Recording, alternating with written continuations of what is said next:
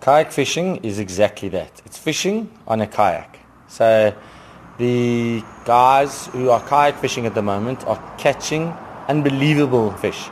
I've got a friend in Natal, he caught a 30 kg tuna off his fishing ski. The fishing ski has a hatch, so you open up the hatch and you stick your fish inside and you carry on fishing or you go to land. It's not only ocean fishing, there's quite a big following for bass fishing inland. I know that Johannesburg Fishing Club is looking to host a fishing tournament at one of the bigger dams next year. It's very interesting. Kayak fishing is it's a lot of fun. It's a great way to get off the, the bank, you know, for the papgooiers and the, the guys who want to just get a little bit more active in their fishing.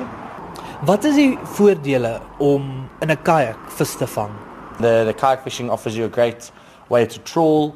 It gives you a, a good way to get to spots that other people generally can't get to. The fishing skis themselves don't give off any noise. So it's only the noise of the, the paddler on, on the skis. In the past, they've actually been known to catch more and say in Mozambique they catch more than or bigger than the jet skis do. Wat is 'n kajak gebruik 'n mens om jou vis te vang? Die kayak is 'n fishing ski. Jy kry hom in fiberglass en ook in uh, 'n rotomolded plastic. Die ski het 'n fish hatch en ook rod holders en die meeste van hulle het ook 'n rudder system. So mense kan stuur met hulle voete.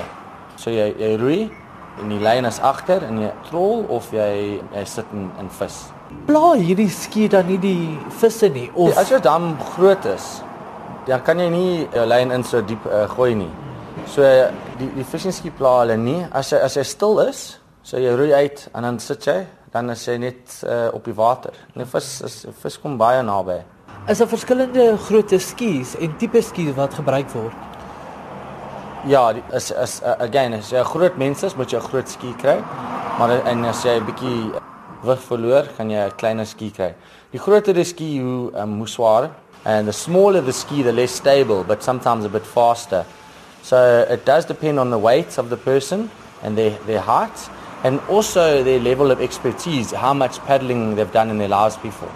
Watter tipe visvang toerusting het 'n mens nodig? Is daar enigiets wat spesifiek vir hierdie tipe ski ontwerp is? Uh, if you're going to fish off your kayak, you must get a fishing ski. You do get these boats you can buy, and we call them recreational kayaks. They are very stable, they're a lot of fun. You can fish off of them, but they're not as geared for fishing as a fishing kayak is. But you can also paddle it recreationally. Depending on where you're going to spend most of your, your time, you could get away with uh, a recreational fishing ski. You would wear a life jacket and then you have, they're called rod leashes. So if you are paddling and your rod is out and you're trawling and something bites and it takes the line, it can be quite a massive jerk and the rod can come out of the, the, the rod holder on the ski. So the, the, the rod leash attaches the rod and reel to your ski. So it gives you an opportunity to rescue your stuff before you lose all your equipment.